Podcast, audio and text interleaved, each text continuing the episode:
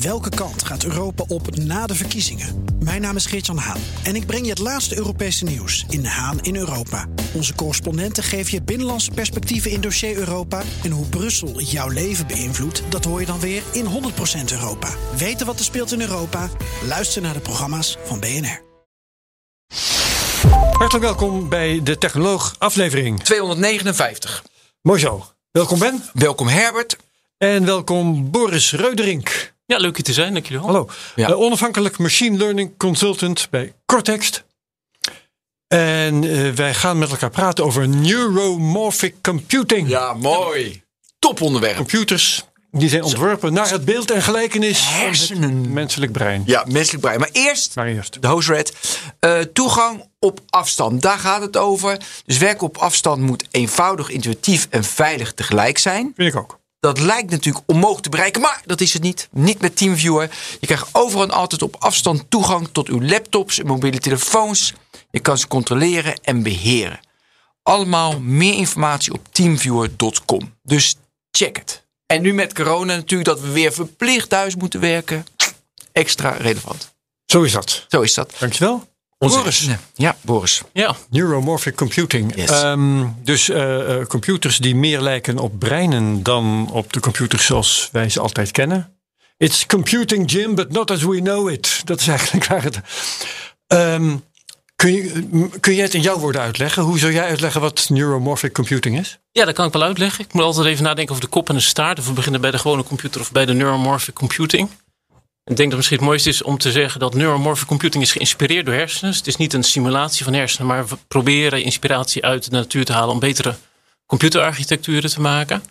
En het grote verschil dan met de gewone computerarchitectuur is dat bij een gewone computerarchitectuur heb je het geheugen en de computer, eh, de processor heb je gescheiden. En als er dan iets moet gebeuren, moet die computer die moet iets uit het geheugen halen.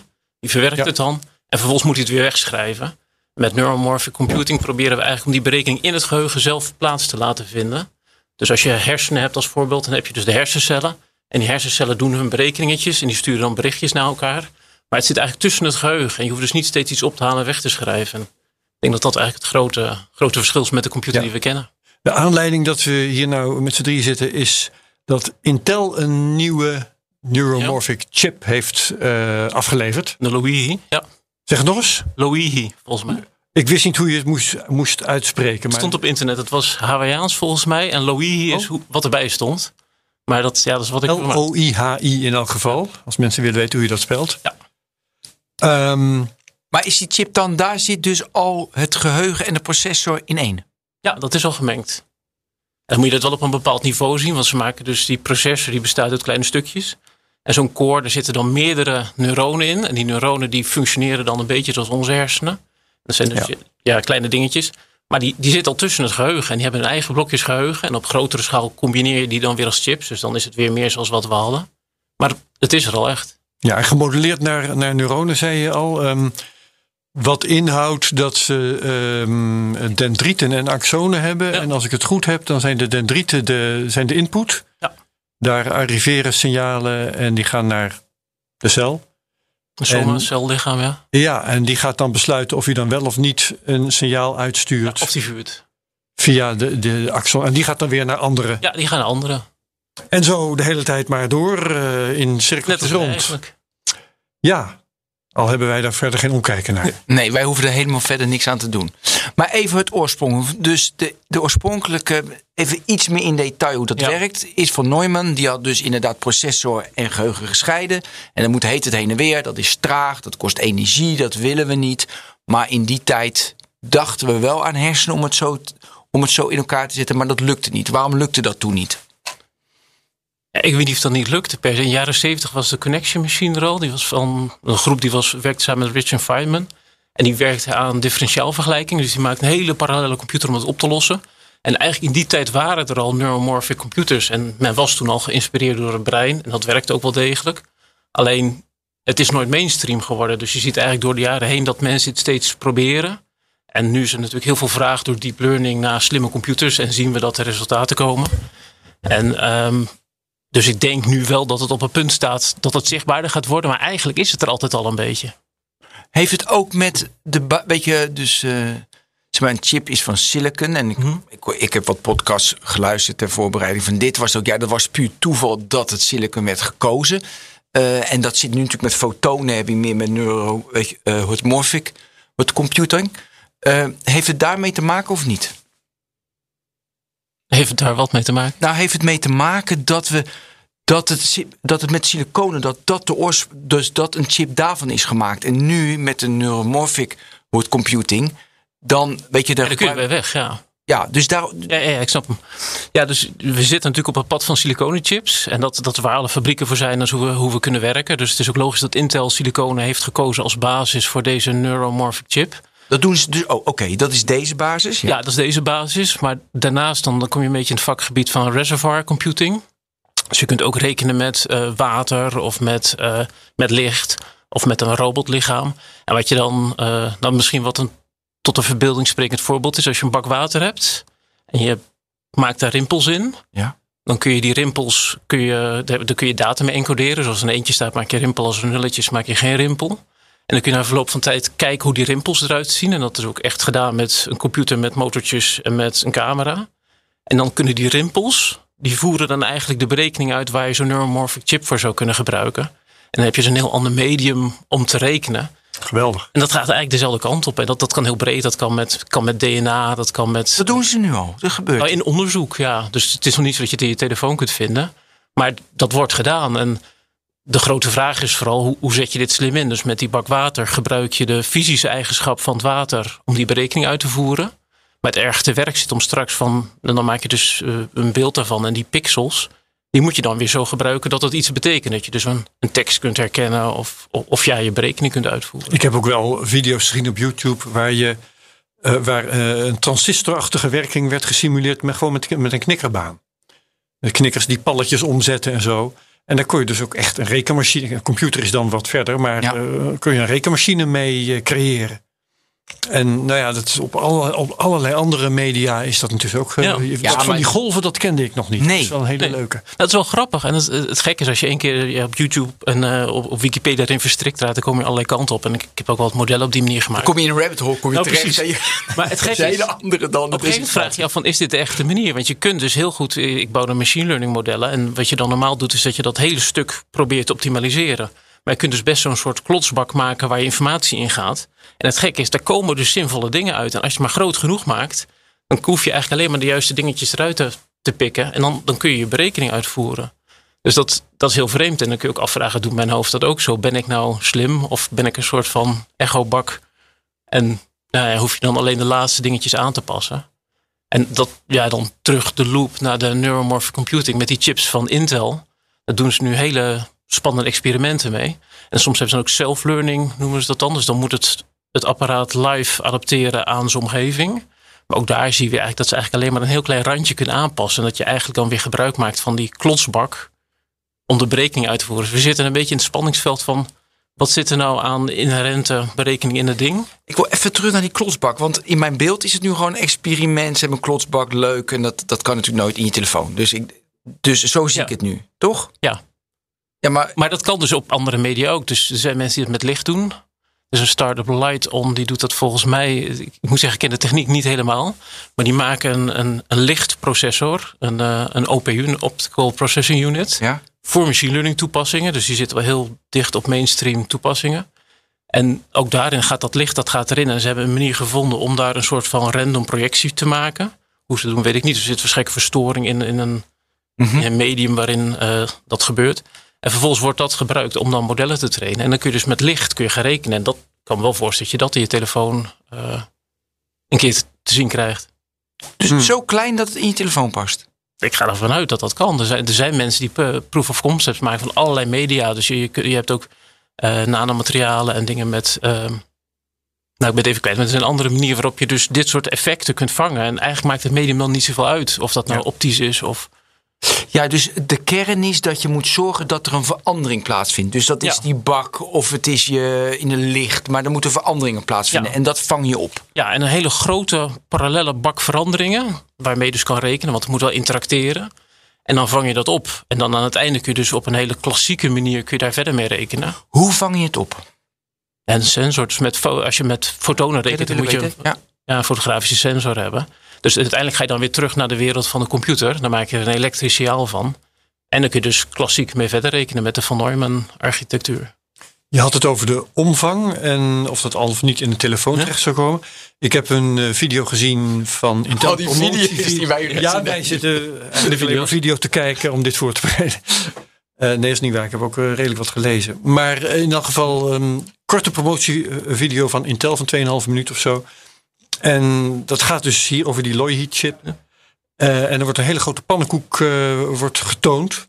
En toen dacht ik, dat zal die chip toch niet zijn? Ik stel me een chip iets kleiner voor. Dus een, meer een soort moederbord waar er een aantal op eh, zitten waarschijnlijk. Heb, heb jij een idee? Ik heb dat niet zo. Ik heb fotootjes gezien in papers en toen leek het allemaal wel klein, maar je hebt natuurlijk geen enkele referentie.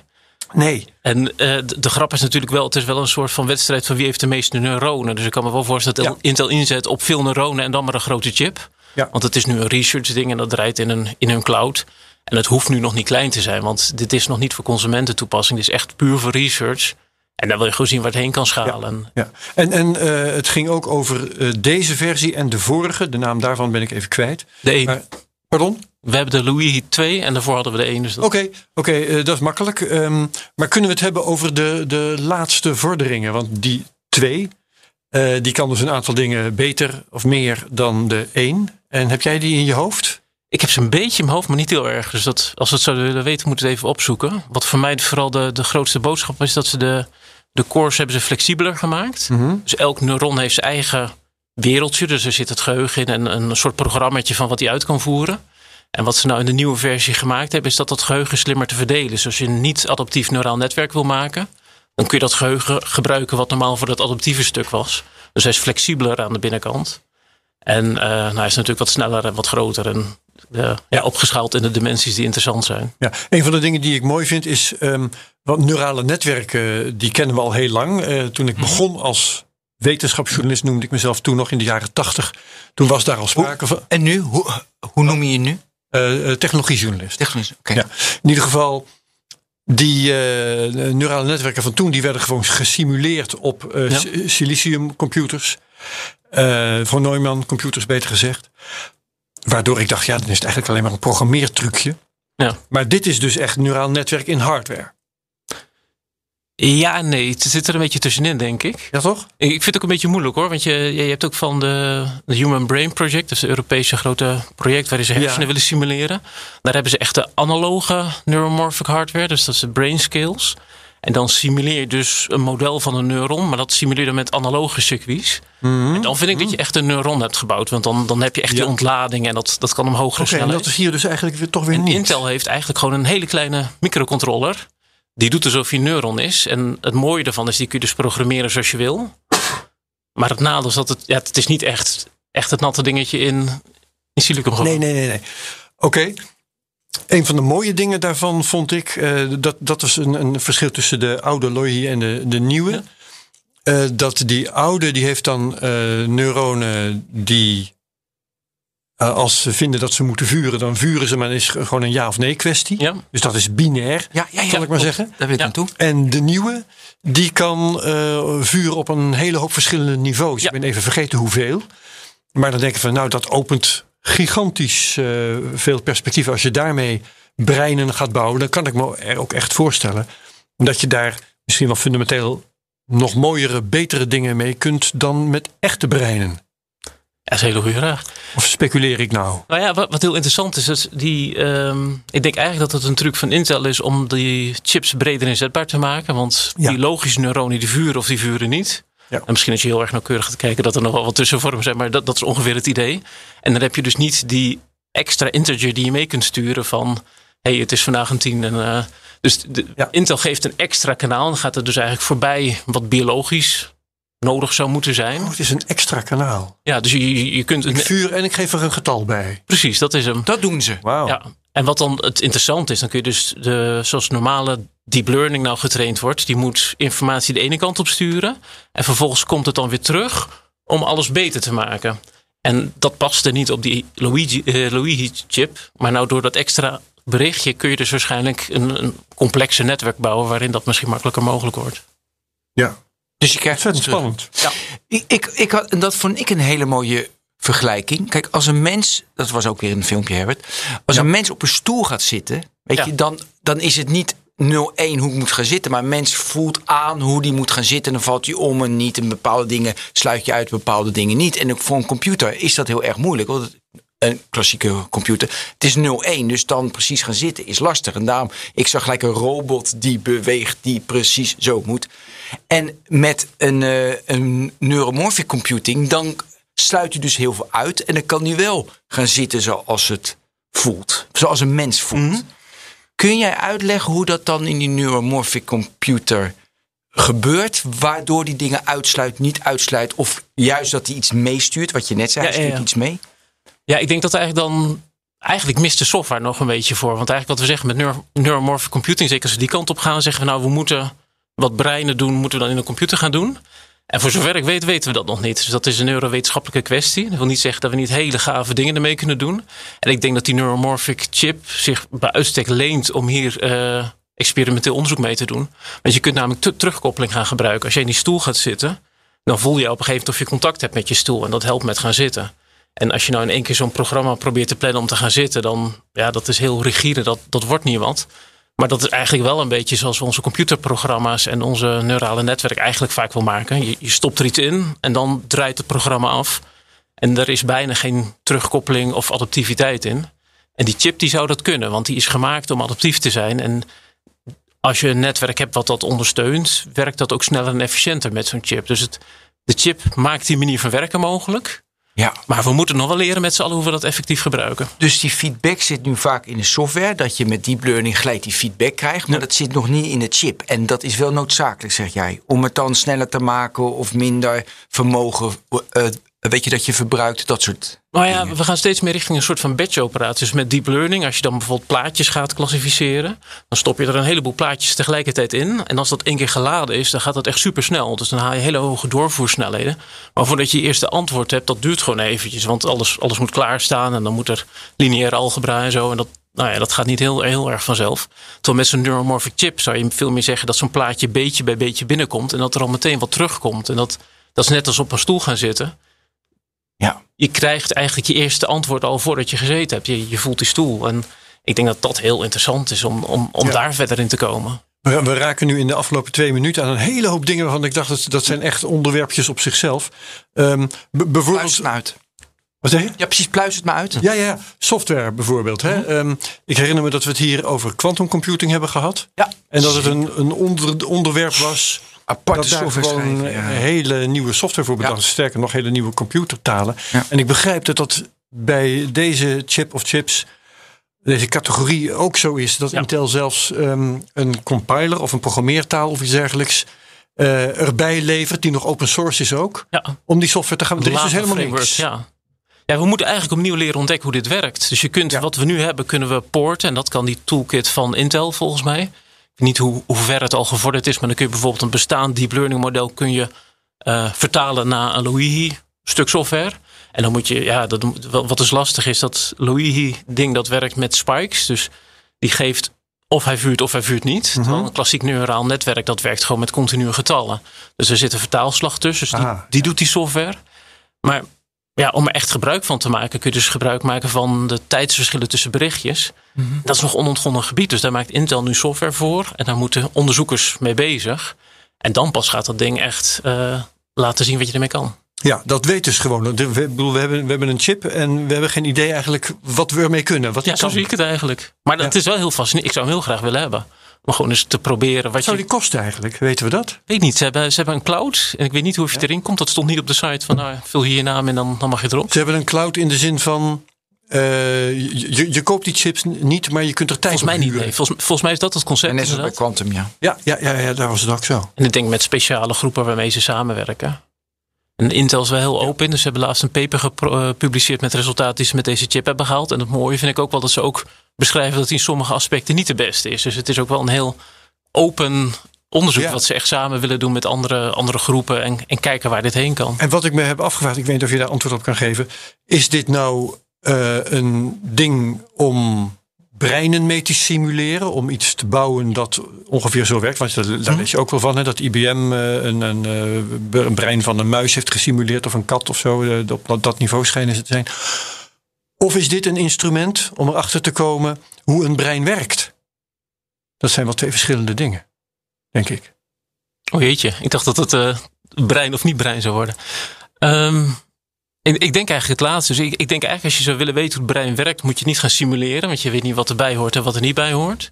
Maar dat je eigenlijk fundamentele vragen moet gaan stellen over welke eigenschappen kunnen we simuleren, snappen we dat en hoe bouwen we dat op. Dus dat is meer van kunnen begrijpen hoe brein werkt. En ik denk dat Intel meer in die hoek zit. Dat ze echt een algemeen stuk gereedschap hebben om breinachtige algoritmes mee uit te voeren. En ik kan me voorstellen dat Intel hoopt aan de ene kant dat dat onderzoek verder helpt. Maar aan de andere kant dat dat dus eigenlijk ook de stap voorbij de GPU is. De grafische kaart waar nu mee gerekend wordt. Omdat, ja, ik denk dat Intel daar ook wel een stukje markt wil veroveren. Nou, de- da- daarmee wou ik eigenlijk reageren op wat je zegt. Eh, De doelstelling van Intel is misschien niet eens zozeer om iets te ontdekken over het brein, maar gewoon om chips te verkopen. Dat denk ik, ja. Dat is hun, hun core Eén business. heb ik bij jou, hè? Ja. Ja. Dus niet het brein leren kennen, interesseert ze niks. Nee, Het is nee, allemaal nee. PR. Maar goed, dat, eh even goed kan dat voor de wetenschap eh, Ja, fijn. Zijn waar ze het voor ja. gaan gebruiken. Ja. Ik wil toch, toch even terug waarom het nu lukt. Weet je, dus het principe is de feedback, weet je wat er gebeurt, zit direct in de chip. Het geheugen en het proces zit direct in de chip. En je vuurt heel veel af en je krijgt gelijk feedback. Waarom lukt dat nu en lukte dit niet tien jaar geleden? Want dat concept hebben we al in de jaar, begin jaren 70, zei jij, waren ze daarmee bezig. Dus wat is er technisch veranderd? Ik weet niet of het technisch veranderd is. Ik denk meer dat de tijd er klaar voor is. Dat mensen nu zien van, hé, hey, dit willen wij. Wij willen slimme computers. Het moet energiezuiniger. En dat de vraag ontstaat en de schaal ontstaat.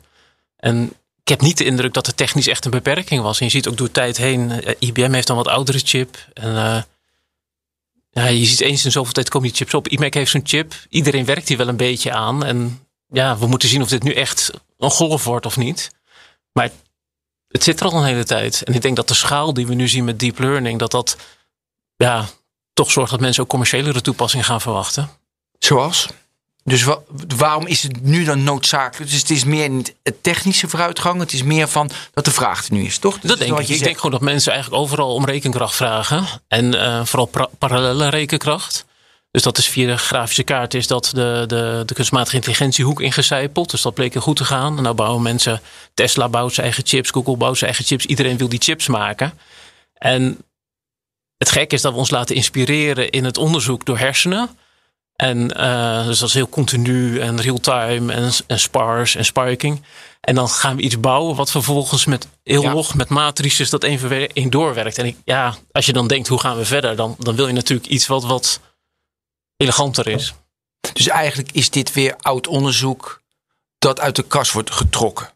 Of lopen ze tegen de grenzen aan op, eh, op de manier zoals von Neumann het had verzonnen en daar Ja, ja, maar dat, Dat ook al jaren natuurlijk. Hè. Je, van begin af aan heb je al extra trucs nodig om die computer sneller te krijgen. Zoals cache geheugen en parallele processoren. En Ja. eigenlijk worstelen we er altijd al een beetje mee. En elke keer Ja. leggen we die laag een beetje verder.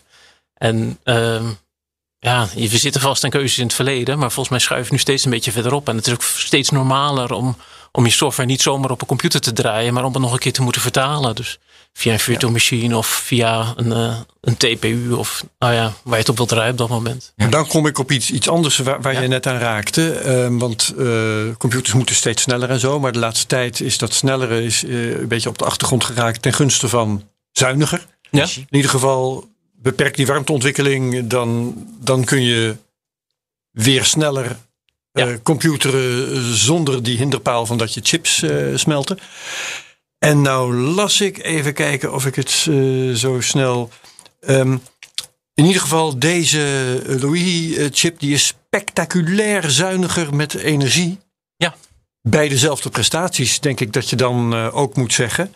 Ehm, Bij de En- eerste workload. het aantal nullen, dat heb ik even vergeten te tellen. Maar weet jij uit je hoofd hoeveel zuiniger die is met, eh, met, met de power? Het ligt heel erg aan de rekentaak. Dus dat, dat hele eerlijke paper waar ik het net over had. Daar vergelijken Ja. ze allerlei modellen en processoren van andere mensen. En waar ze naar kijken is hoe snel heb ik mijn eerste antwoord. En hoeveel energie heeft dat nou gekocht. Ja. En dan zie je eigenlijk dat die in het deel van de taak is inderdaad beter. Maar voor deep learning workloads, dus wat mensen tegenwoordig eigenlijk zoeken, is die nog niet echt beter. Daar kost het gewoon heel veel energie. Omdat je dan eigenlijk de, de kwaliteiten van die architectuur niet uitbuit. Want ja, die, die, wat je dus hebt, die spikes. Het is heel interessant als je geen spike hoeft te zenden. Heb je geen communicatie, heb je geen energie nodig. Daar zit die winst. En in alles wat je er nu op draait, haal je dat voordeel eigenlijk niet. Dus het, het is vooral in lichte kleine modellen die, die veel feedback nodig hebben. Daar zit de winst eigenlijk. En dan is het ook veel. En dat betekent dat uh, deze manier van, van eh, rekenen. Ik weet niet of je moet zeggen rekenen, maar goed, de, de, deze vorm van, van computers. Uh, dat die voor bepaalde taken wel geschikter is dan waar we nu computers voor gebruiken en voor andere weer niet. Ja, dat denk ik ook, ja. En kun je dat beschrijven, welke soort taken? Want van quantum computing was het massief parallel. Hè? Ja. Dat is speciaal voor quantum. En, en hoe zit het met deze? Ja, ik hetzelfde eigenlijk. Massief parallel en adaptief. Dus ik zou geen spreadsheet erop willen draaien. Nee. Dat, uh, daar, daar, heb je gewoon zoveel normen en architectuur voor nodig. Maar vooral heel parallel. En ja, waar ik van droom, maar dat, dat is er nu nog niet, is dat we dat adaptieve er echt in krijgen. Want alles wat we nu kunstmatige intelligentie noemen, dat is eigenlijk heel slim en heel knap. Als het af is, is het af. En dan adapteert het niet meer aan de situatie. En, en dit is nou net eigenlijk het stapsteentje waarin we dat zouden gaan kunnen. Dus Oh. ik wil naar adaptieve toepassingen. Maar dan, dan is het denk ik handig om naar een voorbeeld uh, te gaan kijken. Bijvoorbeeld het uh, beeldherkenning. Ja. Uh, je leert een computer, een neuraal netwerk leer je om katten te herkennen. Ik verzin maar wat. Ja. dit is een kat, dat is een hond. Dat is nog weer iets anders. Maar um, wanneer wordt dat dan adaptief? Nou, wat je zou kunnen hebben is als je dat traint met een bepaalde camera dan werkt dat heel goed. En op een dag hou je een nieuwe camera. En dan stopt het met werken. Omdat alles net er even anders uitziet. De pixels zijn anders. De, de lens is anders. En wat ik dan zou willen, en dat is er nu nog niet. Is dat je er niet opnieuw moet gaan werken. Maar dat dat ding misschien een middag moet wennen. En vervolgens wel die kat weer herkent. Okay. Dat vind ik adaptief. Oké, okay, als een mens uh, die een andere bril op krijgt. Ja. Of iets dergelijks. Ik dacht meer aan mijn auto. Dus Stel. adaptief in het verkeer. Ah, nieuwe regels. Ja, nieuwe regels. Maar ook gewoon het rijden. Dat die, dat die ja. adaptief direct reageert op het verkeer. In plaats van dat hij getraind is op het verkeer. Ja. Mm. Dat zou ook echt heel prettig zijn. Dat is ook waarom die zelfrijdende auto zo moeizaam is. Omdat dat, daar vereis je echt dat snelle adaptieve in plaats van dat ja. logge, voorbereide, geoptimaliseerde. Want als ik in een vreemde stad rijd, dan is dat misschien uh, ja, het eerste half uur wat moeilijker en daarna kan ik het. Maar dat, ik maar, pas me aan aan de omgeving, dat zit er gewoon nu nog niet in. Nee. Maar is echt werkende autopilot toch nog een mogelijkheid? Ja, precies, ja. Nou ja, dan heb ik gelijk van hoe ver is die nu, die neuromorphic chip? En hoe, ja, ja, hoe lang ja. duurt dat nog? Nou, geef me antwoord. Ja. Daar heb ik weer ongeduldig nu, hè? Want ik wachtte natuurlijk al een jaar of 53 op. Ik denk dat we gewoon moeten beginnen met z'n allen. Ik, ik, wil die chip, dus ik vind het jammer dat, dat nee, niet zomaar... Op. Je kan er nu mee werken, want hij... Ik vond nog niet hoe ik erop moest, maar ik, ik heb al gekeken of ik me in kon schrijven voor die cloud. Dat is niet helemaal toegankelijk, maar ik wilde eigenlijk gewoon mee spelen. En ik weet niet of we er iets aan hebben, maar het is denk ik gewoon heel leuk om te kijken wat ermee kan. En te zien wat eruit wil komen. Want het, het is zo anders. En als je de schaal hebt en de snelheid hebt, dan kun je zo anders met dingen omgaan. Het is gewoon heel interessant om te zien of, dat, ja. of we dingen in één keer wel willen. En, en heb jij ook de programmeervaardigheden om dat dan te gaan doen als je Ja, de kans zou dat- krijgen? Ja, wij zijn adaptief. Hè? Dat, dat Wij zijn ja, zelfs Ja. Ben en ik zouden het kunnen leren. Ja, dat is heel lang. Nee, maar dat is wel zo. Uiteindelijk, je hebt een soort mentaal model van hoe, hoe, zo'n netwerk zich moet gedragen. En Ja. de echte software mist natuurlijk. hè. We weten nog niet hoe je nou echt iets adaptiefs maakt. Dus daar zit het gat. Maar ja, het programmeren, het is gewoon een kwestie van goed kunnen beschrijven in de taal die Intel van je verlangt wat er moet gebeuren. En dan is het draaien en ontdekken dat het niet doet wat je wilde. Maar ja, dat, dat is een iteratief proces. Wat zeggen ze nu zelf, Intel, wat ermee gaat gebeuren? Wat voor use cases hebben zij? Ze hebben niet, denk ik, alleen die chip gemaakt. Ze gaan gelijk natuurlijk... eh, zeggen- ik even nadenken hoor. Ik heb iets eh, opgezet van robotic workloads. ja, ja, Ja. ja, ja, ja, jullie precies, dat robots. Ja, ja, dat kan ik me voorstellen. Ja, nou, robots is inderdaad wel logisch. Ook voor die snelle terugkoppeling. hè. Dat je moet voelen of je iets aanraakt. En, eh, Het, kla- het klassieke voorbeeld is altijd twee slangen eh, waar, waar heel veel lucht doorheen gaat. En die, die kan een robot heel moeilijk verbinden, want dat, dat gaat alle kanten op. En een mens kan er één pakken, kan de ander pakken en die koppeling maken. Nou, daarvoor zou dus zo'n Ja. robot zou het kunnen. Ja, Dus en dan zou het ook energiezuinig zijn. hè. Zo'n robot neemt natuurlijk zijn- zijn energie mee. Dus dat zou kunnen schelen. En eigenlijk moet je dan ook naar andere sensoren. Hè? Want nu is ook, ook zo'n camera of zo'n beeldsensor, dat is eigenlijk nog dense. Daar heb je alle pixels krijg je tegelijk. En dan zou je een soort event-driven camera moeten hebben die alleen de veranderingen of de belangrijke dingen als spike stuurt naar het netwerk. Dus ook daar zitten we eigenlijk nog vast aan de, de Neumann manier van denken. Ook in uh, sensoren van een robot. Ja, maar als we voldoende power zouden hebben, dan zou je natuurlijk dat wel op een klassieke manier op kunnen lossen. Ja. Toch? Maar we lopen tegen die grenzen aan. Ja. Maar dan kom je toch weer energiezuinig en hoeveel power je hebt. En ja, maar dat op die grafiek ook. zei jij van, nou dat valt best wel tegen, mits je een adaptieve hebt. Ja. En de, de, de, de, echte winst zit voornamelijk in de, de communicatiestructuur op die chip. Dus dat rekenen, dat kunnen we nu eigenlijk klassiek ook wel. Maar wat het moeilijk is, is om de hele tijd de informatie van alle neuronen naar neuronen te krijgen. En daar zit dan de schaalwinst. En dat is misschien ook waar we tegenaan lopen als die robot nu bouwen op, op onze gewone manier eigenlijk. Dat je gewoon heel veel power in zo'n robot moet hebben. Maar goed, als je wil, dan kom je natuurlijk een heel eind. Ja. We hebben nu, uh, ik, ik, noemde het net al, um, al weet ik de referentie niet precies, uh, dat uh, hier en daar breinen worden gesimuleerd en dat er een bepaalde mate van complexiteit wordt. Ik dacht dat muizen, katten, dat dat ongeveer het niveau was waar, waar men was, maar misschien loop ik alweer een paar jaar achter. Um, weet jij dat? Welke, bij welke mate van complexiteit is het onderzoek met uh, gewone computers? Uh, bij welke mate van complexiteit kan dit ons brengen? Ik weet dat bij het Human Brain Project zijn ze bezig met een mensensimulatie. Dus gewoon echt mensenhersenen is het doel. Het is wel controversieel. Maar dat hebben ze nog niet af. Hebben ze nog niet af, nee. nee. dus die Spinnaker die moet volgens mij, uh, Spinnaker 2 is volgens mij, er zijn nu fondsen voor. En die moet het menselijke aantal neuronen hebben. Ik weet niet in mijn hoofd wat dat is. Daar moeten we weer eens een technoloog aan wijden, geloof ik. Meteen even opmerken. Ja, goed, ga verder. Ja, dus die, uh, daar wordt aan gewerkt. Mm -hmm.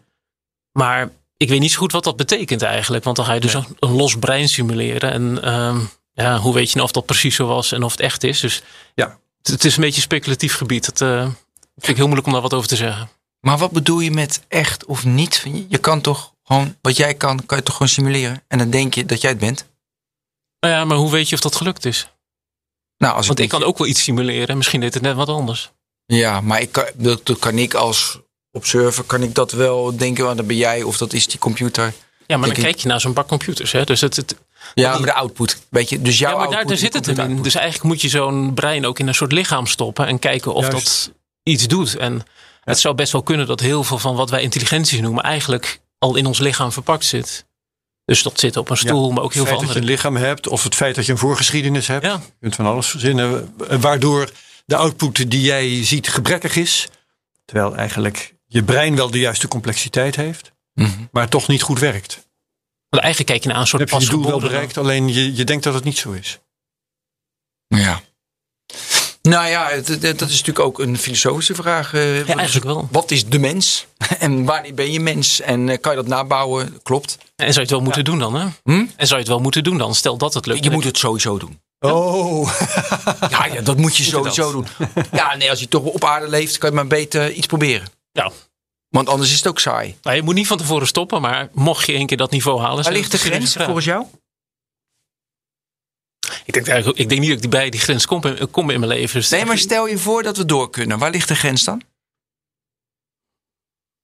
Ja, vind ik heel moeilijk. Dat, uh, ja, er komen allerlei vragen bij. Stel dat je nou een mens zou kunnen simuleren en je zet de simulatie stop, is dat dan zielig? Ja, dat weet ik niet. Want dan stopt de tijd ja. in de simulatie. Dus het zijn, er komen zoveel vragen bij. Ja, mag je een zelfbewuste robot uitzetten? Ja, of vertragen. Tuurlijk, ja. vertragen ook. ja, ik heb een andere uh, benadering. Ben, ik zeg, ongeacht of je het zou moeten doen of niet, het zal gebeuren. Ja, en dat is makkelijker. Ja, ja. dus dat is meer vanuit de helikopter... Uh, ja, dat denk ik ook wel. Ja. ja, en er is nou zo'n uh, Open Worm heet dat volgens mij is een software om een, uh, mm. ja, een wormpje te simuleren. Ja, ja. En als ik mag geloven, hebben ze de, de neuronen volledig in kaart gebracht. En, dan, ja, en ik geloof dat we een soort simulatiewereld hebben waarin die echt zo in je, in je computer rondkruipt. Dan heb je ze eigenlijk een worm gesimuleerd. Is dat dan Durf je dan je voet erop te zetten, Ben? Echt wel. Dat durf ik ook bij gewoon voor. Dus nee, daar ben ik toch voorzichtig mee. Maar goed. Ja, ik doe dat niet. Ja, ik... Hm? Ik doe dat niet. Ik nee, ik ook niet. Geen nee, dat is zielig. Ja. Dat is zielig. Ik heb er net nog even van het uh, asfalt afgehaald. Nee, ik heb toevallig ah. bollen gepoot dit weekend. Nou, dat is allemaal, allemaal, dat is allemaal off-topic. Ik wil even naar de concurrentie ook. De Nvidia's, de, de Samsungs, de TSMC's. Weet je, wat doen die? Hoe ver zijn die? Weet je dat? Wat ik ervan weet is voornamelijk onderzoekssystemen. Ze moeten eraan werken. Ik kan me niet voorstellen dat het niet zo is. Dus als je het nog niet gehoord hebt, dan ga ik denk dat Nvidia het ook wel doet. Ik ben niet op de hoogte van wat ze doen. En ja, het zijn eigenlijk allemaal net als Intel, dat ze een proof of concept hebben. Vaak een hoop neuronen. IBM heeft zo'n ding, IMEC heeft zo'n ding. In China is, is er een bedrijf wat aan, zo'n apparaat werkt. Dus volgens mij voorziet iedereen wel dat dit een soort van plan B is voor als we tegen de, tegen de groeigrens aankomen. Maar er is volgens mij nog niet echt een commercieel ding waarvan je zegt van dat is de concurrent van Intel. Nee, ehm, uit het feit dat Intel hier nu mee in de publiciteit treedt, want dat doen ze. Ja. Ze hebben een bekendmaking ge- gedaan en een video gepubliceerd en wat niet allemaal. Kun je daaruit afleiden dat zij het verste zijn? Want eh, een ander bedrijf dat net zo ver zou zijn als even ver, zou toch zeker wel eh, tegen Intel opbieden dan nu intussen. Met persberichten en zo. Ja, misschien wel. Ja. Ja, of er zit, stel dat Apple het zou doen, dan zouden ze het misschien geheim houden. Dus ik weet niet dat of dat is voor alle ja. bedrijven zo geldt. Ja, ja, ja. Maar ik heb wel de indruk dat Intel vooraan loopt op dit moment en er ook eh, zijn gewicht achter zet. Want Ja. er zijn natuurlijk heel veel bedrijven die het al gedaan hebben, maar waar je vervolgens heel weinig over kunt vinden. Dus dan denk ik dat dat gewoon een stille dood sterft ergens. En, en als men dat weer vergeet, is dat dat gewoon nog een keer geprobeerd wordt. Ja, maar de hoop is natuurlijk, we weten dat Intel de, de boot heeft gemist met mobiel. Precies, dat moet ook wel. eh, ze nu de next big thing ja. te pakken hebben. En zou dat zo kunnen zijn? Is veel te vroeg natuurlijk. Hè, Ja, het zou zomaar zo kunnen zijn. Het, het is veel te vroeg om dat te beoordelen. Maar er is geen reden, denk ik, om te zeggen dat het niet zo is. Want als ons dit lukt, dan is dit natuurlijk wel een hele mooie manier om verder te gaan met het schalen van rekenkracht. En eh, een andere manier van slimme computers bouwen. Behalve dat die quantumcomputer ook al in opkomst is. En ehm, voor een deel overlappen ze elkaar qua werkterrein. Maar die quantumcomputer die is zo spectaculair veel sneller bij bepaalde berekeningen. Hè. Nou ja, het, het breken van cryptografie hebben we wel eens besproken hier. Kan die eh, neuromorphic eh, computer daar tegenop? Nou, niet in het kader van cryptografie, denk ik. Want het Nee. is nog steeds gewoon rekenen, maar dan parallel. Dus er gebeurt niks wonderlijks eigenlijk. We organiseren het alleen een beetje anders. Ja. Dus ik, nee, dat denk ik niet. Ik denk dus dat, dat je het zou moeten zoeken in eh, dichter bij menselijke vaardigheden komen, maar niet bij, Ja. in het kader van bizarre rekenkracht. Aan de andere kant, mocht je zo'n quantumcomputer hebben en hij kan zo'n taak aan die neuromorphic computer kan, nou, dan zou ik vooral ook naar die quantumkant kijken. Want wie weet gaat dat wel veel harder. Nou, maar daar zie ik wel een fundamenteel verschil. Want bij die neuromorphic computer, bij die chips, heb ik nu de hele tijd in mijn gedachten, ik krijg die feedback, direct die feedback. Dus ik zit hele tijd adaptieve gebruiksmogelijkheden Ja. te zoeken. Eh, kom- eh, we hadden de robot, we hadden de, de auto, nou prima. Eh, katten, mooi. Maar bij die quantum computing heb ik ook zo gewoon power. Gewoon heel veel rekenkracht en gewoon veel. Toch? Ja, En, maar dan zit die feedback loop, dat kan je natuurlijk ook oplossen door heel veel rekenkracht. Maar vind ik toch fundamenteel anders. ja dan heb jij wel een punt. Ik zit Nou, te denken of dat. Ja, Oké, punt. Nou ja, en dan? Gefeliciteerd, Ben. Ja, precies. Nee, daar gaat het niet om. Het gaat erom dat we daar even daar op doorgaan. Nee, ik weet niet zo heel van de quantumcomputer. Dus wa- wat ik daarvan weet is dat je een aantal andere problemen die nu te, te grootschalig zijn om op te lossen, dat je die in één keer op kunt lossen. Ja, dus vandaar de cryptografie. Ja. Maar ik kan niet zo goed overzien of je daarmee. Want, een deel van het neuromorphic computing probleem is dat je informatie van alle neuronen naar alle neuronen moet krijgen. En wellicht met quantum computing dat je dat ook kunt. En als je dat kan, dan heb je ook weer kans dat je dat op hele hoge snelheid kan. Ja. Dus het, ja, het ligt een Ja. beetje in de aard van het beestje of dat hier gaat helpen of niet. Ja, en dan is het ook wie sneller is. En wat, eh want de quantum computer duurt natuurlijk nog 10, 15 jaar. En dan kom ik weer terug op die vraag die ik al, al eerder had. dat is het af. Wanneer zit het in mijn, eh, eh, eh, in mijn mobiel? Want dat vind ik ik, denk met de eerste benchmark. killer applicatie. Ik denk dat Intel eigenlijk daar nog een beetje gat heeft zitten van hiervoor gaan we gebruiken. En ik denk dat als dat er is, dan kan het natuurlijk heel hard gaan. Want dan, Nou, laten we daar dan even op doorgaan. Wat zal dan een killer applicatie zijn voor een adaptief systeem? ja, dan moet ik het zeker verzinnen. Eh, ik denk zeg maar bijvoorbeeld eh, wa- waar je nu last van hebt als je Hey Siri zegt of zo. Dan moet je telefoon eigenlijk de hele tijd luisteren naar de omgeving om op het juiste moment aan te springen. En dat kost energie, dus voor een, iets op een batterij is dat vervelend. Ik kan me voorstellen dat je daar met neuromorphic computing winst maakt. Omdat dat dus veel zuiniger dat adaptieve rekenen kan doen. Ja, Dat is, dit gaat allemaal niet werken. Want kijk, Apple gaat die chip al niet kopen. Dus die zullen zijn eigen onderzoeksgebied, dus dat is fijn. Tesla gaat die chip niet kopen. Want, eh, dus eh, eh, Boston Dynamics gaat die chip niet kopen. Google gaat die chip niet kopen. Waarom niet in al die gevallen? Nou ja, omdat ze zelf die chip zullen Als ze bouwen. hem zelf willen maken. Dus ze zullen zelf natuurlijk een neuromorphic Ja. chip bouwen. Dus oké, daarin zie ik al die gebruik van. Maar, maar dan is Intel best wel, ja, weet je, die staat wat alleen dan. Nou ja, weet je, je moet dus een generiek gebruik. Want zij verkopen chips aan generiek waar, die, waar ze overal in zitten. Waarom bouwen ze zo'n specifieke. waarbij je die feedback loop hebt? Want dan moet bijna.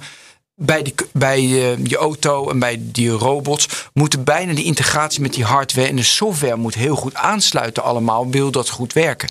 Dus en de processor en software en Ja. hardware. Snap je? Ja, maar dat is precies het zwakke punt, denk ik nu. Want ik denk, als dat er is, kan het heel mooi werken. Maar die integratie is er nu nog niet. Dus Nee. die tooling is er niet. En die moet er wel komen, denk ik. Want het is hartstikke mooi. Maar op dit moment heb je dus heel veel onbekendes die je eigenlijk moet oplossen om dit tot een goed einde te brengen. Maar ik ben er ook niet van overtuigd ben dat Tesla en Google en al die anderen eh, deze, veel, deze chip niet gaan kopen. Want als Intel een voorsprong heeft en een werkende chip heeft eh, en, en een community in de wetenschappelijke wereld die daar al voor programmeert enzovoort. Op een gegeven moment wordt het voor zelfs Google en Tesla en Apple en noem maar op voordeliger om zo'n chip gewoon te kopen dan om bloedig verder te ontwikkelen. Nou, het is heel, veel, op- het is heel veel open source, hoorde ik net. Dus die denken van, eh, we doen dat zelf wel even. ja, ik kan me niet voorstellen. Nee, wat ik een interessant element vind, wat ik net zei. Je, hebt die, je moet die integratie hebben van al die, Ja. Van software, hardware. Die, alles moet bij elkaar komen. En dat zijn de Google en de Tesla's en de, en de Apple zijn er meer, meer geschikt voor. En Intel vanuit een oude systeem. We bouwen een chip, dat verkopen we. Maar een chip bouwen en dat verkopen kan niet meer bij hele geavanceerde use cases. Dat moet bijna bij simpele use cases zijn. Dan kan je een chip verkopen, die, Ja. die rekent wat, dat kost een beetje energie, prima. Maar bij die geavanceerde is dat bijna onmogelijk. Ja, misschien voorlopig in de serverparken. Hè, dat ze zeggen van nou, als deep learning accelerator. Op dit moment Ja. straalt het daar nog niet. Maar wie weet kun je het die kant op trekken. En dan kun je gewoon zo'n cloud aanbieden en eh dat gaan schalen. Dat klopt. Maar goed, het is natuurlijk niet een, een super lange termijnsvisie. Maar ik kan me voorstellen dat dat een van de eerste to- commerciële toepassingen wordt. Om daar dus energiezuiniger of goedkoper te rekenen. En dan, het is natuurlijk ook wel prettig om te zeggen, ja, on- ons rekencentrum is zoveel zuiniger en we doen hetzelfde. Ja. Dan zit daar misschien een beetje de een soort duurzaamheid label op. Eh, Is dit zo'n onderzoek? Hè? Is, dat, de, eh, is dat meer het maken van die chip? Of is het meer natuurkunde die je moet gebruiken om, om, om, te, om te ontdekken... Hey, hoe ziet dat nu eruit? Of, of maken ze dat gewoon? Experimenteren ze? Hoe gaat zoiets? Ja, het ligt denk ik. Dus ik denk dat Intel gewoon eigenlijk gewoon chipontwerp doet. Net, net als we voor hun andere chips doen. Want ja, je, bedenkt hoe het moet werken. Je kunt kijken welke types eh, neurale netwerken je wil simuleren. En dan moet je een architectuur vinden die dat ondersteunt. En dan is het denk ik vooral heel veel uitzoeken hoe je dat slim op een chip krijgt. En hoe je de routing doet. En hoe je dat flexibel genoeg houdt. Maar als je naar andere ontwerpen gaat, dus je hebt ook eh, nanoschaal, de, eh, de Universiteit Twente is ermee bezig. Dan heb je dus nanodeeltjes die op elkaar doet. En die kun je dan met voltages besturen. En dan gaat het zich als een andere functie gedragen. Dus een heel ander type. En dat zou je ook neuromorphic computing kunnen noemen. Dan zit je echt gewoon in het fundamentele onderzoek. Dus het, het is waar, waar je een beetje kijkt naar deze ontwikkelingen. Wat de voorkennis is. Maar wel wat Intel doet, is volgens mij gewoon klassiek chipontwerp. Met een slimme visie op, op waar we heen willen Ja. met z'n allen. Hmm. Ehm, wat me, een vraag die mij fascineert, eh, die gaat over eh, eh, de gelijkenis met het brein. Eh, en ik moet daarbij ook denken, misschien handig om mee te beginnen, aan zelflerende algoritmen. Die eh, soms eh, een bepaalde taak heel prima kunnen doen. Nou, beeldherkenning bijvoorbeeld, Ja. noem maar een dwarsstraat. Eh, maar, of sollicitanten beoordelen is een interessante toepassing. Ehm, waarbij het probleem dan vervolgens wordt dat je eigenlijk als mens niet meer weet hoe het werkt. Je weet wel dat het werkt, maar je weet niet hoe het werkt. Kan een beetje een probleem zijn. Nou, ehm, nu ga je met deze hardware, dus niet meer op eh, klassieke hardware, maar met deze hardware ga je breinachtige constructies maken en dat ook breinachtige functies geven. Eh, en ik heb een paar dingen eh, opgeschreven die een brein kan doen. En dat is bijvoorbeeld zich vergissen. Hallucineren, vond ik wel een aardige. Wegdromen, wensdenken. Ehm, dus eh, wat ik me dan afvraag, als we computers gaan bouwen op deze manier, gaan we dan computers krijgen die dit ook kunnen? Met andere woorden, die ons eh, op een onaangename manier kunnen verrassen. Ik denk dat we dat al hebben, eigenlijk. Dat hebben we al, ja. nee, nee, maar met, Met bugs en dergelijke bedoel Nee, nee, niet Ja, met bugs. Bugs, die, dat is nog de menselijke kant. Dus dat is eh, de klassieke vorm dat we zelf de bugs erin stoppen. Mhm. Maar als je dus gaat leren uit data, dan, dan laat je de data de bugs erin stoppen. En dan hebben we al deze voorbeelden wel. Dus je hebt modellen die kunnen hallucineren. Dus die hallucineren nieuwe plaatjes. En nou ja, vergissen is eigenlijk altijd wel zo. Mhm. Dus al deze vormen zitten eigenlijk in zekere zin er wel in. Alleen wat nu nog misschien een, een rustgevende gedachte is, dat als zo'n Tesla tegen iemand aanrijdt, kunnen we de stappen in zo'n Tesla naspelen. Want dat is één Tesla. Terwijl op het moment dat hij adaptief wordt, dan zou hij de tweede keer wel een ander plan kunnen hebben. En dus, dus het heeft nog iets deterministisch. En dat is nu nog vast. Maar ik denk inderdaad dat we steeds meer in de richting gaan dat dit moeilijk beheersbare systemen worden. En ja, goed, mensen om ons heen zijn ook niet zo beheersbaar. Dus misschien kunnen we daar wel aan wennen. Ja, maar, maar de vraag is dus wel, uh, we, we, hebben dat probleem dus al, dat zeg je volkomen terecht. Um, maar moeten we dan wel, wat, wat, voordat ik ga vragen, moeten we wel die kant op willen? Wat voor voordeel uh, ga je eigenlijk nog krijgen als je een computer bouwt die, uh, misschien kan, kunnen deze computers ook wel moe worden, hè, bij wijze van, ja. waarom niet? Um, dus wat voor voordeel heeft het dan nog om een machine in te zetten in plaats van een mens? Nou ja, het, het kan dingen doen die wij niet willen doen. Dus saai werk. Als je plaatjes ja. beoordelen of zo. Saai, gevaarlijk. Ja, nou precies. Dus alle dingen waar we onszelf niet aan bloot willen stellen. Vermoeidheid weet ik niet of dat essentieel is. Dus dat, ja, dat zou eigenlijk uit onderzoek moeten blijken ja. of slaap en zo nodig is. Ja. En als je nou zo'n computer hebt die hetzelfde kan als een mens, maar 10.000 keer zo snel, dan heeft dat wel bepaalde voordelen, ja, denk ik. Oké, okay, snelheid zou dan een dan zou snelheid, selling point kunnen ja. zijn. En je zou ook kunnen bedenken, zo'n neuromorphe computer, dat is uiteindelijk nog steeds een computer. Dus je kunt ook een kopietje maken. Dus in plaats van dat je ah, zelfs met mensen die ervaring okay. steeds opnieuw moet opdoen, dan, ja, dan kun je een backup maken. Ja, dat scheelt weer leertijd. Ja, dat scheelt leertijd. En dan kun je dus ja. een, een, arts hebben met 10.000 jaar ervaring. En dat, dat krijgen we als mensen natuurlijk niet voor elkaar. Ja.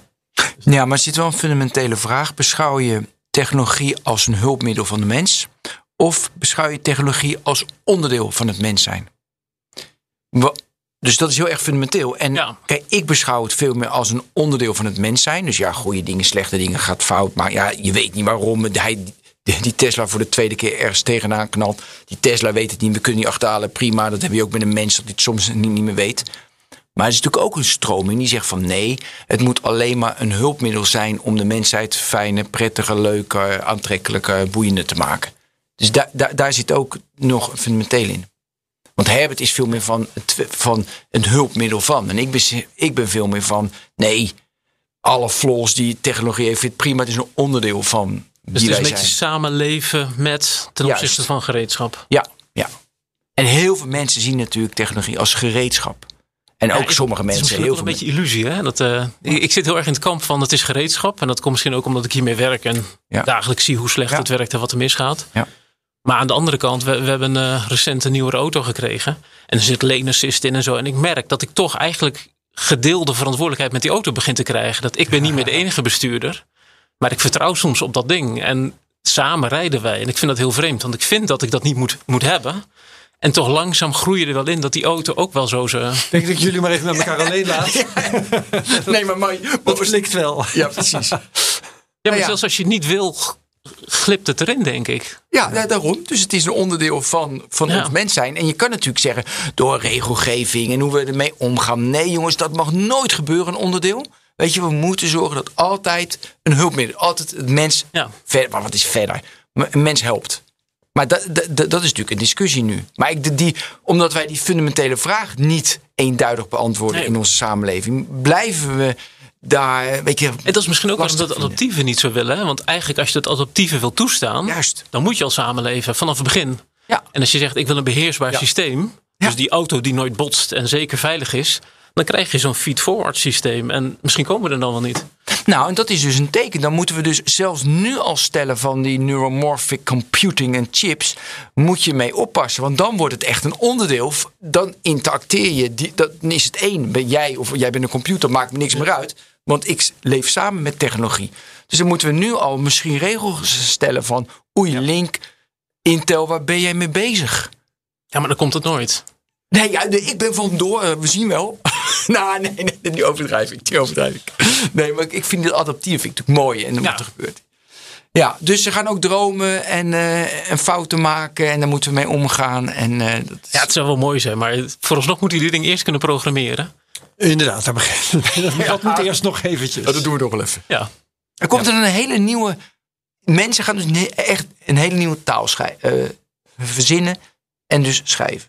Ja, nou, het, het, is net als met al die andere dingen. We gebruiken elementen die we hebben. Dus we, ja. die, die chip van Intel, daar zit, er zit een soort microcode in. Dus dat is een soort assembly taal om, om dat ding van binnen te programmeren. En dat is net als een gewone computer. Alleen waar, waar de slimmigheid in zit, is hoe je het samenkneedt tot, tot een ding wat, wat, wat zich autonoom gaat gedragen. En daar moeten we de denkstap nog maken. Dus hoe- hoe je het al als, ja, als organisatie voor elkaar krijgt. Maar de binnenkant is gewoon ja, eh, programmeren zoals het altijd al deden. Ja, dat autonoom gedragen, dat, dat triggert natuurlijk gelijk. Hè? Want tot hoeverre autonomie... Dus ook jouw vraag waar jij mee begon. Dat is ook hoe ver ga je in die autonomie? Ja. En eh, dat kan inderdaad ook... eh, terwijl de laatste... ik- Wat op het la, nu hoor lees je natuurlijk veel meer van... het is echt een hulpmiddel, autonomie. Dat gaat nooit gebeuren, want wij kunnen hem altijd nog uitzetten. Weet je, dat is natuurlijk nu de hele richting. Maar ik denk dat we een beetje mee moeten groeien. Ik denk dat dat gevaar nu is dat ook met die auto heb je dat eigenlijk. We laten hem niet autonoom zijn tot het allerlaatste moment. En dan gaan we het beoordelen. Maar eigenlijk moeten we met z'n allen gaan zitten wennen aan zoiets. Ja, Ben is daar druk mee bezig. Nee, maar neem, neem bijvoorbeeld een thermostaat in een, in een woonkamer. Daar maakt niemand zich zorgen over. Dat, En dat is natuurlijk ook een adaptief systeem wat samen met ons leeft. En eigenlijk zijn er misschien wel meer van dat soort dingen te ontdekken. waarin zo'n computersysteem adaptief kan zijn. zonder dat hij ons de hele tijd stoort en in de weg zit. Nou ja, dat zie je gewoon bij je mobiel nu al. Dat ze zo adaptief mogelijk proberen te zijn. En dat Ja. het voor geen meter lukt. Want dan zet je al je notificaties uit, al het verkeerde moment. En dan moet ik weer bewegen. En je wordt helemaal. Ja, Snap Ja, je? maar dus omdat dat het gaat net een- niet. Com- Hm? Omdat het een computing principe is dat daar niet geschikt voor is. Ja. Ja, dus dat, dat, dat lijkt me heel mooi als dat gaat werken. En je ziet het ook soms al een beetje werken. Bijvoorbeeld met muziekkeuzes op, eh, op internetstations.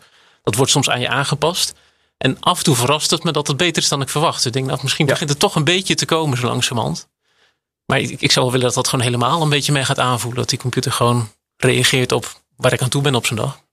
Ja, en dan kom je eh, een paar stappen verder, eh, een eh, paar stappen voorbij de zelfrijdende auto, kom je ook bij juridische aanpassingen die dan nodig zijn. Hè? Want dan moet hij ook eigen verantwoordelijkheid krijgen. Ja. Eigen identiteit waarschijnlijk. Ja, en rechten misschien. Ja, dat zijn dingen waar we het hier ook al eens over hebben gehad. Maar het is wel eh, toch wel even goed om even vast te stellen dat je daar dan inderdaad weer bij terugkomt. Ja, Ja, maar dat gaat mij. dan zet hem gewoon uit als het zover komt. Ja, dat gaat, mij, dat gaat me echt te ver. Dat gaat jou te ver. Dat gaat mij nu weer te ver. Ik, je moet ook grenzen stellen. Ze mogen veel, maar ze krijgen geen rechten. Nee, dat kan niet. Denk ik. Goed. Laat het probleem eerst maar eens maken. Eerst het probleem zorgen dat het probleem er is. Ja. Ja, misschien is dit allemaal natuurlijk helemaal niet waar. Dan gaat het helemaal niet gebeuren. Nee. Nou, hoe groot, hoe groot acht jij de kans dat over tien jaar dat de, de, de neuromorphic comp- chip er gewoon standaard is in je telefoon? Dat die. Kijk, hoe hard is het nodig in mijn telefoon? Want nu reageert hij slecht. Weet je wel? Gewoon hij snapt niet wat ik wil. En ik snap niet wat hij wil. Gewoon één. Weet je, ik moet me Maar je weet dat van elkaar, dus is het niet zo'n heel groot probleem. Nee, en hij wordt ook niet boos op mij. Dus, Ja. Maar ik wil op hem.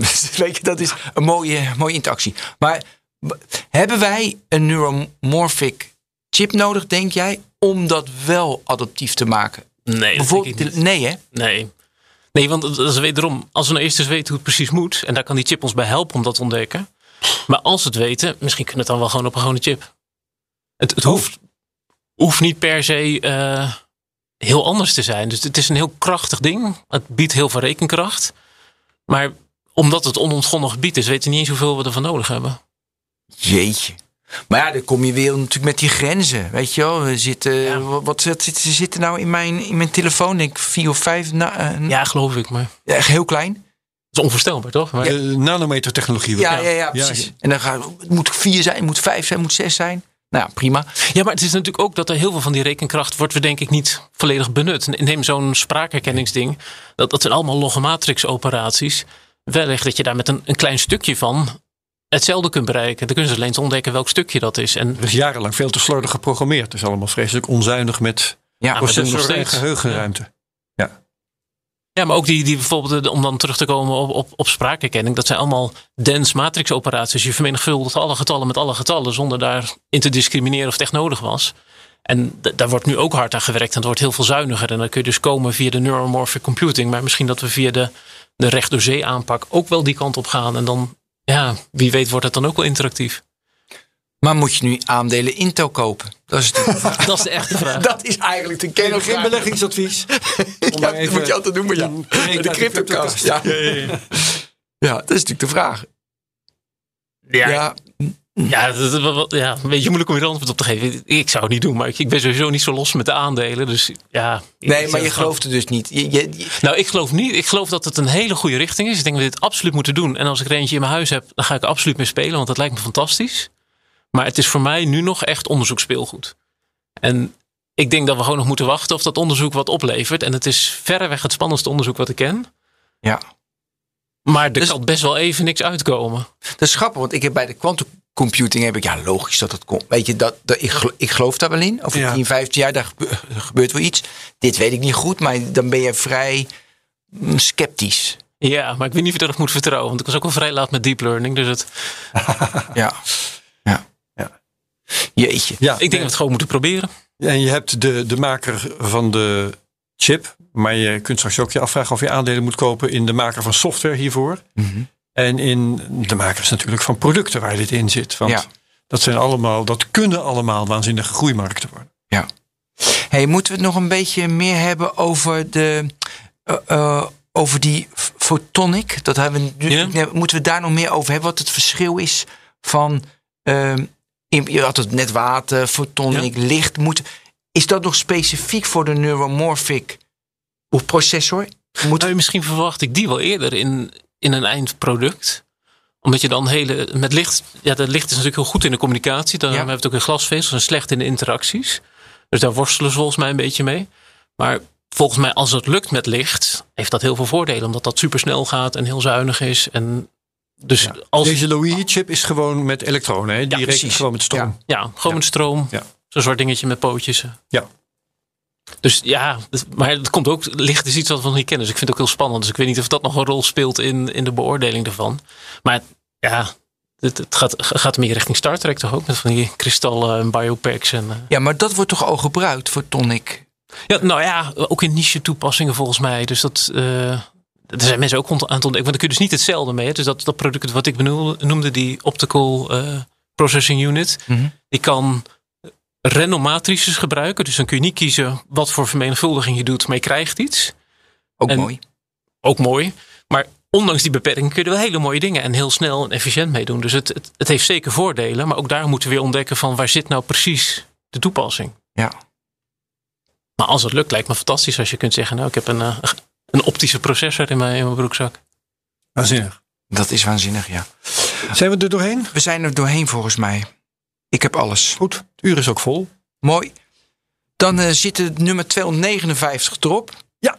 Ja, met Eh, Boris Reuterink. Boris, dank. dankjewel. Ja, hartstikke bedankt.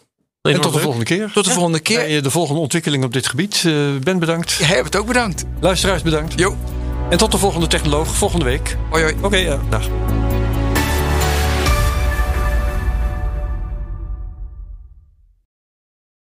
Ook Hugo Reitsma vind je in de BNR-app. Superhandig die BNR-app. Je kunt alle programma's live luisteren, breaking nieuwsmeldingen. Je blijft op de hoogte van het laatste zakelijke nieuws. En je vindt er alle BNR-podcasts, waaronder natuurlijk de belangrijkste, Boeken zijn in de wijk. Download nu de gratis BNR-app en blijf scherp.